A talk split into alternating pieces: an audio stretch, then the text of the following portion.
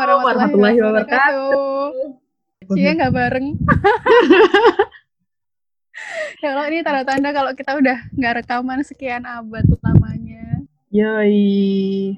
Sampai-sampai begitu rekaman lagi, udah masuk bulan Ramadan.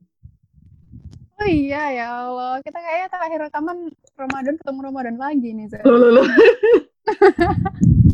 Ingat ya sih kita Ramadan lalu tuh masih bisa rekaman langsung ke kosan Hilma gitu kan. Oh iya ya, ya Allah kita berasa solihah banget loh. Sempol party. Iya, sempol party. Gimana gimana Sob? Udah bolong berapa puasanya? Aku udah belum berapa hari ya, pokoknya aku sejak Ahad itu udah mokel. Mokel. mokel, uh, in case kalian nggak tahu mokel, mokel itu apa sih? Tolong jadi, jadi jelaskan. Mokel adalah dengan sengaja makan sebelum berbuka ketika kamu puas. Kok? KBBI sekali ya? Iya, iya KBBI sekali. Oke, ya. Mokel itu gitulah, intinya berbuka Ahad. secara dini. Ahad sampai sekarang hari eh, Kamis berarti lima hari. Ya, udah lima hari. Ahad, Senin, Selasa. Rabu, Kamis. Ya, semoga besok atau lusa aku udah bisa puasa lagi. Amin. Karena kondisinya tidak enak sekali, guys. Menjadi setan di tengah-tengah orang yang berpuasa itu sungguh godaan. Tapi enak loh kamu tuh nggak puasanya di rumah. Kebayang nggak sih waktu masih di kosan misalnya terus nggak puasa. Nyari makan siang itu butuh effort tersendiri gitu. Iya, bener, Za. Makanya itu aku berasa setan banget. Karena kalau aku mau makan, itu tinggal buka kulkas, tinggal goreng. Iya bener-bener. Yang baunya bisa apa-apa kecium aku seisi rumah gitu kan. Iya. Adekku tuh tadi bilang, Mbak lo, kalau makan lo, Mbak ya sembunyi-sembunyi. Ya kan masalahnya rumah tuh juga segitu ya, saya. Kita mau sembunyi-sembunyi gimana juga. kita sembunyi, baunya nggak bisa sembunyi. Bener-bener bener-bener. Kalau di kosan tuh kan tempatku tinggal dulu, bukan yang sekarang. Itu kan daerahnya Oh ya? kayak itu loh. Warung-warung sudah tutup. Kalau nggak tutup ada Hmm. denda dan lain sebagainya. Jadi kalau Hmm. nyari makan waktu siang itu Susah. kudu nempel-nempel sama teman-teman yang non muslim gitu. Ntar kalau kamu kan ajakin ya gitu. Jadi kayak gitulah. Akhirnya kita jadi punya langganan warung-warung yang jadi kuncian kalau lagi nggak puasa. Gak sobat. Oh, alah. Iya ya, alhamdulillah. Ini mungkin salah satu hal yang bisa kita syukuri ya. Di tengah pandemi ini, kita ngerasain kondisi mokel seminggu di rumah. Mokel yang nyaman. Ya Allah, emang hikmahnya tuh baik banget. Iya, jadi bagi teman-teman yang mungkin mendengarkan ini di masa depan, ini sekarang lagi ada yang lagi booming yaitu corona, sehingga kita semua harus di rumah aja Iya, betul. dan Menikmati waktu di rumah. Iya. Kamu Rekaman bolong, Zah? Belum. Kalau menurut prediksi sih ya, tuh katanya 9 hari lagi, mungkin Oh iya. pertengahan Ramadan. Aku tuh dulu itu kalau mokel ketika awal Ramadan itu sempat khawatir karena nggak bisa ikut sholat id. Terus oh iya, ini- terus terus kalau tahun ini tuh aku mikirnya ya ya udah sih bisa sholat id juga suasananya tuh nggak bisa sama kan kayak tahun-tahun Hmm. biasanya. ini kita nggak tahu sih apakah masih ada sholat id gitu kan. Ntar. Iya ya Allah ya ada sih eh ya bisa jadi nggak ada ya. Apalagi Ya kalaupun ada, apakah kita mau ikutan atau tidak gitu kan? kamu biasanya kalau sedang datang tamu itu merasakan sesuatu yang aneh gitu nggak sih? Kalau sedang sih enggak ya, tapi kalau hari-hari sebelumnya itu kerasa aneh. Apalagi waktu mood sebelum ah sebelum ini, sebelum pakai apa period tracker gitu kan, sebelum dicatetin tuh Hmm. si ininya, itu tuh selalu ada apa ya kebiasaan-kebiasaan aneh yang muncul yang itu bisa bikin aku tahu ah ini kayaknya habis ini nih. Nah kalau di aku kebiasaannya adalah jadi rajin kayak rajin beres-beres. Jadi kamu PMS-mu tuh jadi lebih rajin ya? Iya, nggak tahu kenapa. Tapi teman-teman Yes. ada beberapa yang kayak gitu. Bukan rajin beres Iya sih, iya tapi kayak, bener-bener. kamu ngerasa nggak sih kamu tuh dapat ketika kamu lagi semangat-semangatnya ibadah ya? Iya bener-bener. Kalau aku sih selain karena semangat ibadah ya, aku ngerasa juga ketika aku mau haid itu, aku biasanya lebih rajin buat masak. Biasanya juga masak, cuma maksudnya intensitas dan semangat buat masak tuh lebih lebih lebih aja itu dibanding sebelum PMS. Iya, kayak tiba-tiba aja gitu pengen kan. Aneh banget. Random-random gitu. Aku juga ngerasa mood swing dan kadang tuh melampiaskan PMS tuh, tuh orang lain. Mungkin karena nggak tahu sih atau enggak. Cuma kalau aku sendiri sih aku biasanya ngelampiasin itu ke orang lain, entah itu ke teman dekat, entah itu ke grup ke grup gosip. Pokoknya tiba-tiba muntap-muntap nggak jelas, tiba-tiba ngomel-ngomel nggak jelas. Padahal juga yang diomelin tuh masalah-masalah receh, masalah-masalah nggak -hmm. penting, tapi tiba-tiba ya gampang kesenggol aja gitu. Iya, jadi lebih Kayaknya, peka gitu ya. Lebih sensitif, sensitif ah, banget. Iya. Yang biasanya tuh bodoh amat, jadi kayak dikit-dikit mikir, dikit-dikit diambil hati. Hmm, bener bener bener. Aku, aku kan suka baca kayak blog-blog traveling gitu ya. Katanya kalau di hmm. negara yang punya empat musim, itu tuh kita bisa merasakan yang namanya apa sih winter winter blues. Pokoknya yang Gimana tuh? Itu tuh ketika kamu sedang winter itu hmm. ngerasa sedih mulu kayak lebih depresi gitu. Nah ini. Oh, kayak iya, gitu loh. iya, iya, bener, bener, bener. dan itu karena kita nggak nggak ketemu sama matahari. Nah itu tuh yang aku rasain ketika hari-hari ketika aku dapat gitu. Jadi kayak oh. weh, bukan. Jadi sedih banget. Kena hujan aja udah melo-melo gimana gitu kan. Aduh duh. terus pas hari hanya cie hari H kamu ngerasa ada yang aneh nggak sih kalau tadi kan kita bahas PMS nih. Uh, iya. Palingan ininya sih. ngerasa dilep gitu. Sakitnya ya apa sih namanya? Kram perut. Dilep ya kalau bahasanya kita itu. Kalau itu di hari-hari hari-hari pertama. Hari hmm. pertama sampai kedua lah kalau aku ya. Itu rasanya kayak enak banget. Dan itu cowok nggak bisa sakit banget kan. iya. Yeah. dibuat tidur tuh nggak enak. Dibuat berdiri nggak enak, lebih nggak enak lagi. Kalau menurutku ya, di itu membuat aku menyadari bahwa emang kita itu butuh teman-teman cewek yang deket gitu loh. Karena nggak ada lagi yang bisa ngertiin kita selain mereka cuy, ketika kondisi kayak gitu. Iya iya bener banget bener banget nggak kalau nggak cewek tuh nggak bakal ngerti rasanya rasa sakitnya di lep itu seperti apa kan pernah kan yang aku pernah ceritain ke kamu juga kita lagi ada ini nih acara kayak apa ya rapat lah rapat di luar di Trawas nginep gitu kan di villa hmm. bareng-bareng. Hmm. Terus ada satu temenku cewek yang dia tuh di lab kemudian izin untuk nggak ikut forum kan. Aku yang nyampein ke temanku yang lain hmm. kalau temanku ini izin gak ikut forum karena di lab gitu. Terus si temanku ini kan cowok ya, dia tuh langsung panik gitu. Nah itu nggak apa-apa. Udah minum obat. Gimana? Perlu perlu dibawa ke rumah sakit nggak? Rumah sakit. Ada mobil loh. Terus kayak gimana ya? Itu nggak bisa diobatin gitu. Ya ada sih obatnya tapi kan nggak baik juga kan kalau misalnya sering-sering. Ya itu nggak searjen yang harus ke rumah sakit gitu loh dibawa ke IGD gitu kan.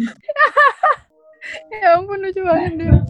Jadi ya pengen sebel tapi kan dia juga nggak ngerti gitu kan. Mm-hmm. It, itu bentuk perhatiannya dia meskipun ya perhatiannya nyebelin juga sih.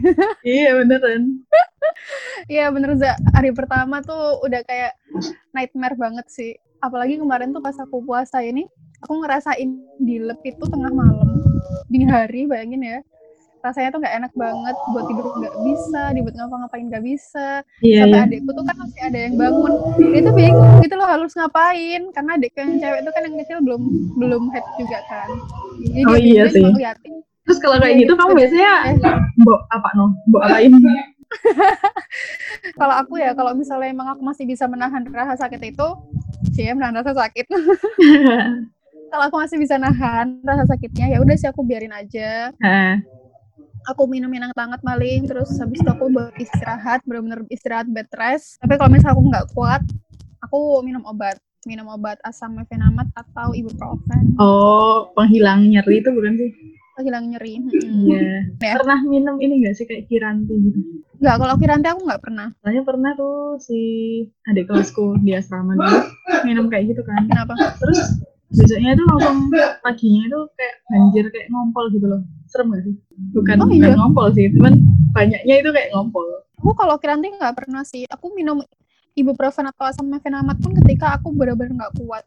Jadi kayaknya dari rentang waktu di Desember ya aku terakhir itu kalau nggak salah minum ibuprofen tuh pas Desember karena kondisinya saat itu aku lagi ada acara di Batu nginap dan itu kalau aku nggak segera sembuh ya bisa aku nggak ikut acaranya Iya kayak rugi kan udah jauh-jauh ke sana. Iya. Terus habis itu aku berapa bulan kemudian itu aku udah nggak ngerasain sakit yang yang ngerasain sakit tapi masih masih bisa ditolerir gitu loh. Aku masih bisa menahan itu. Kemarin pas di rumah ini aku ngerasain lagi yang benar-benar sakit banget. Seharian tuh nggak sembuh-sembuh sakitnya. Jadi terpaksa aku minum obat lagi. Bahkan ada orang yang sampai pingsan-pingsan gitu kan? Iya ada yang sampai pingsan-pingsan terus kayak muntah-muntah pusing pucet banget gitu kan. Beda-beda sih emang setiap cewek tuh. Tapi kalau aku sama Iza kayaknya hampir sama. Ya sakit-sakit yang sakit banget cuma masih bisa. sampai bikin masih bisa melek masih bisa melek. Ya masih bisa melek masih bisa Masih bisa gerak. sadar. Kalau kamu dibiarin kan? Nggak diapa-apain gitu? Iya sih aku dibiarin. Paling tiduran tiduran terus kakinya ditekuk gitu. Itu atau kamu Sebenarnya- punya obat lain? Ini dengan cara halu ya. Aduh aku malu. Eh, mohon sampaikan kepada dunia bagaimana Eh. cara anda untuk sembuh atau tidak merasakan dilep sementara waktu? Aku ada satu drama yang aku suka. Judulnya personal taste. Drama lama banget sih. Oh iya Hmm. 8 tahun yang lalu tuh. Terus? Di itu ada di situ tuh satu episode di mana si ceweknya ini ngalamin menstrual cramp kan.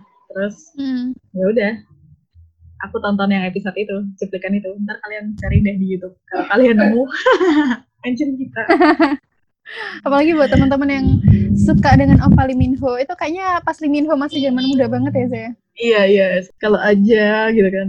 Ada iya. Eh, sudah mulai masuk ke Indonesia bagian halu. Ya udah sih gitu doang. Atau mungkin Ya. ada yang punya trik lain gitu ya yang kita belum coba. Karena kayak apa sih air anget. Gimana tuh kayak nggak tahu itu? Eh akhir-akhirnya tuh lagi viral video itu loh. Yang Desta sama siapa sih aku nggak ngerti pokoknya intinya mereka itu mengkampanyekan botol anget yang itu katanya bisa bantu meredakan cewek yang lagi dapat eh, menstrual cramp itu. Jadi botol diisi air anget gitu ya? Mm-mm, terus ditempelin di bagian perut yang sakit kayak itu. di katanya sih kompres gitu ya? Kayak dikompres dan mereka mengklaim itu bisa membantu. Cuma kalau aku sendiri underestimate sih karena kadang kalau udah sakit itu bisa dipetahin bisa di- botolnya Heeh. Iya benar. Benar benar benar.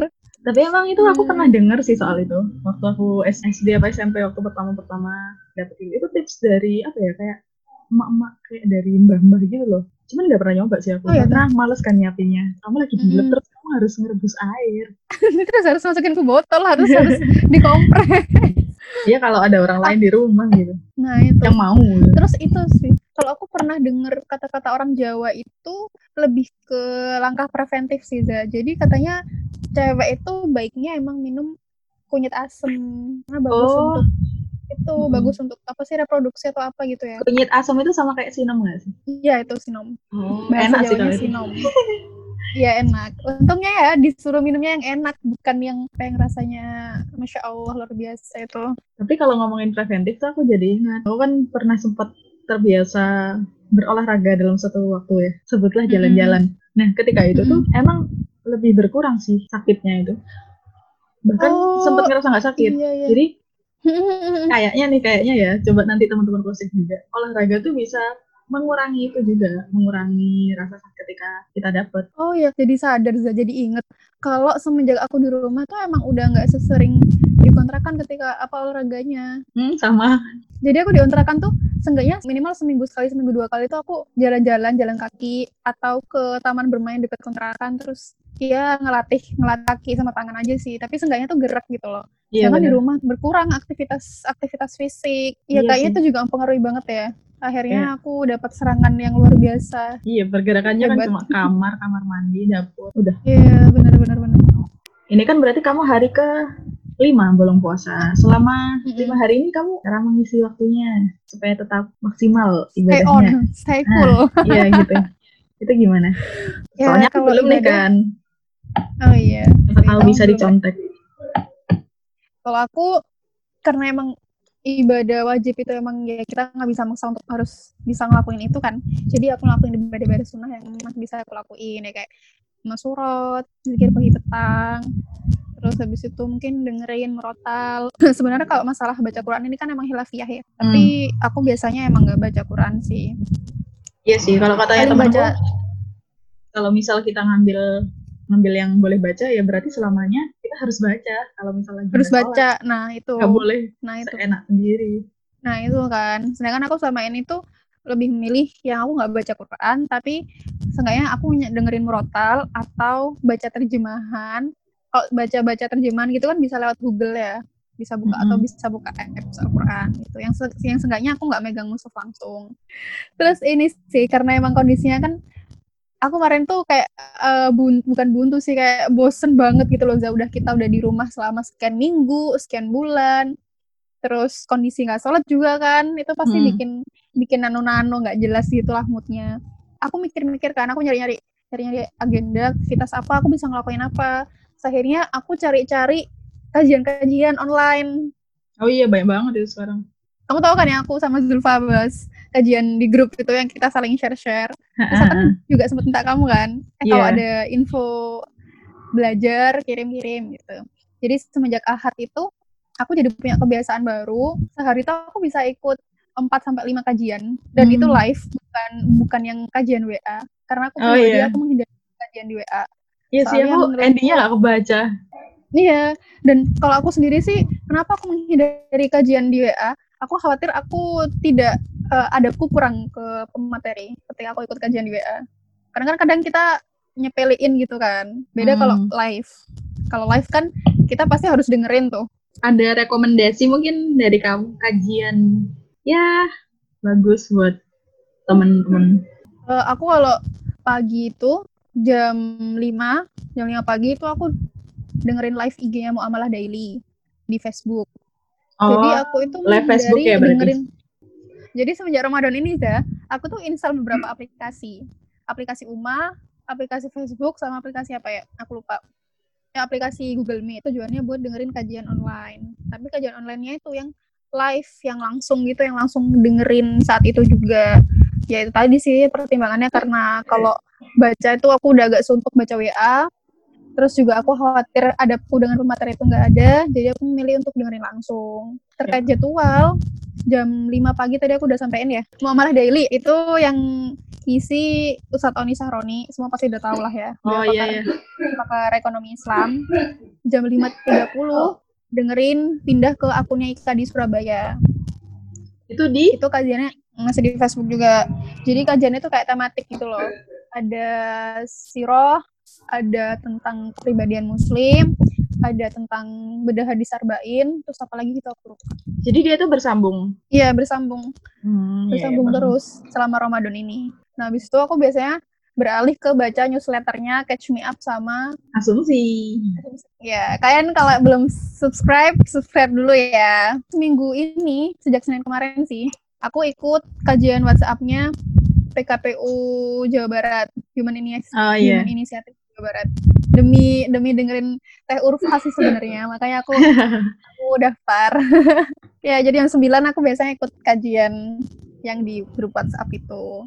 Terus habis itu jam 10 itu aku biasanya ke YouTube-nya iDream, iDream TV. iDream? Isinya itu apa tuh? bahas tentang tentang hadis arba'in juga. Oh, ini. Hmm, ya itu iDream TV itu. Dia live juga ya? Iya, live juga. Yang isi Ustadz Abdullah Haidir, beliau wakil ketua IKA di Depok. Siangnya aku dengerin kajian siroh sahabat di aplikasi Uma yang diisi sama Mas Reza. Teman-teman yang hmm. di Surabaya pasti tahu siapa Mas Reza. Kalau nggak tahu, tanya Sabrina. Instagramnya aja. itu tiap hari ya? Tiap hari? Si, ya, tiap hari. Reza itu. Hmm, tiap hari. Tadi aku sebut itu ya tiap hari. Hmm. Jadi jadwal default selama bulan Ramadan itu setiap hari kayak gitu. I see. Sorenya itu aku biasanya ikut nggak mesti sih ngabuburit siapa aja yang ngadain.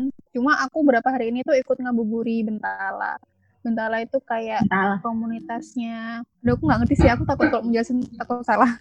Cuma itu dia fokus di pemikiran Islam gitu loh. Bentala. Di mana tuh? Di Instagram ada sih. Oh di Zoom di Zoom. Oh jadi aku join grup WhatsApp terus dikirim link Zoomnya setiap hari oh gitu itu setiap sore ngabuburit gitu jadi hmm. jam 4 sampai jam 5 atau jam setengah 6. Apakah jadwal ini nanti akan berubah ketika misalnya uh, udah bisa puasa lagi? Ya ada penyesuaian sih pasti. Cuma harapannya saya tetap bisa istiqomah ikut kajian ya. Karena cuma akhirnya mungkin itu sih harus lebih manajemen akunya lebih lebih baik lagi karena kan kalau udah sholat kan akhirnya ada jadwal ngaji, Nah, iya. jadwal sholat. Ngejar yang kemarin ketinggalan ya. Iya, ngejar targetan kemarin ketinggalan banyak guys. Makanya bersyukurlah kalian laki-laki ya. Kalian tuh nggak ada waktu di mana eh, harus skip harus libur dari ibadah. Enggak Jadi, dong, kita nggak kewarasan dan- libur kok. Eh, apa? Diberi keringanan. Dong? Oh iya diberi keringanan bener. Terus malamnya itu adem sih. Jadi kalau dihitung-hitung ya tadi aku bisa ikut sehari aku bisa dapat notulensi kajian tuh 4 sampai 5 kajian. Berasa berasa solihah sekali. Padahal sebenarnya nganggur aja. Ini karena online aja nih. Kalau offline nih aku nggak kebayang kamu seharian pindah-pindah masjid. Iya ya bener-bener ya. Ya Allah, salah satu hikmah pandemi ya, kita Iya. diberikan sarana belajar yang begitu Iya. luas loh. Ya Allah guys, gratis guys. Ya tergantung kita mau nyari yang mana, seleranya yang mana gitu. Tapi itu penting banget sih karena Jadi itu nanti kan setelah misalnya palingan kita haid itu berapa hari ya? 7, Tujuh 6 hari, hari. 7 hari. 6 tuh sampai 7 hari. Terus kan Hmm. balik lagi ke rutinitas biasa. Ada satu quote di drama, drama lagi. Pokoknya itu kan dia mau cheating. Ceritanya dia lagi hidup sehat, lagi diet gitu. Terus dia izin cheating sehari sama coachnya. Terus Hmm. coachnya itu bilang kayak gini, your Gimana? body is not disposable. Maksudnya tuh badan kita itu nggak bisa sekali wow. pakai gitu loh. Maksudnya Mhm. hari ini cheating terus yang kemarin dipakai cheating itu dibuang terus kita beli baru kan nggak bisa kayak gitu. Iya bener banget sih. Harusnya nggak ada istilah cheating gitu. Karena itu akan Ya, berpengaruh kalau- ke besoknya, besoknya gitu. Ya kalau bahasanya teman-teman solihah itu mungkin istiqomah gitu ya. Ah. itu maksudnya. Iya, jadi gimana kita bertahan dengan habit yang berusaha dibangun Mm-mm. dan itu continue terus sampai nanti nanti. Iya. Ya jadi gitu sih jadwal aku selama tidak sholat ini. Semoga bisa jadi referensi teman-teman.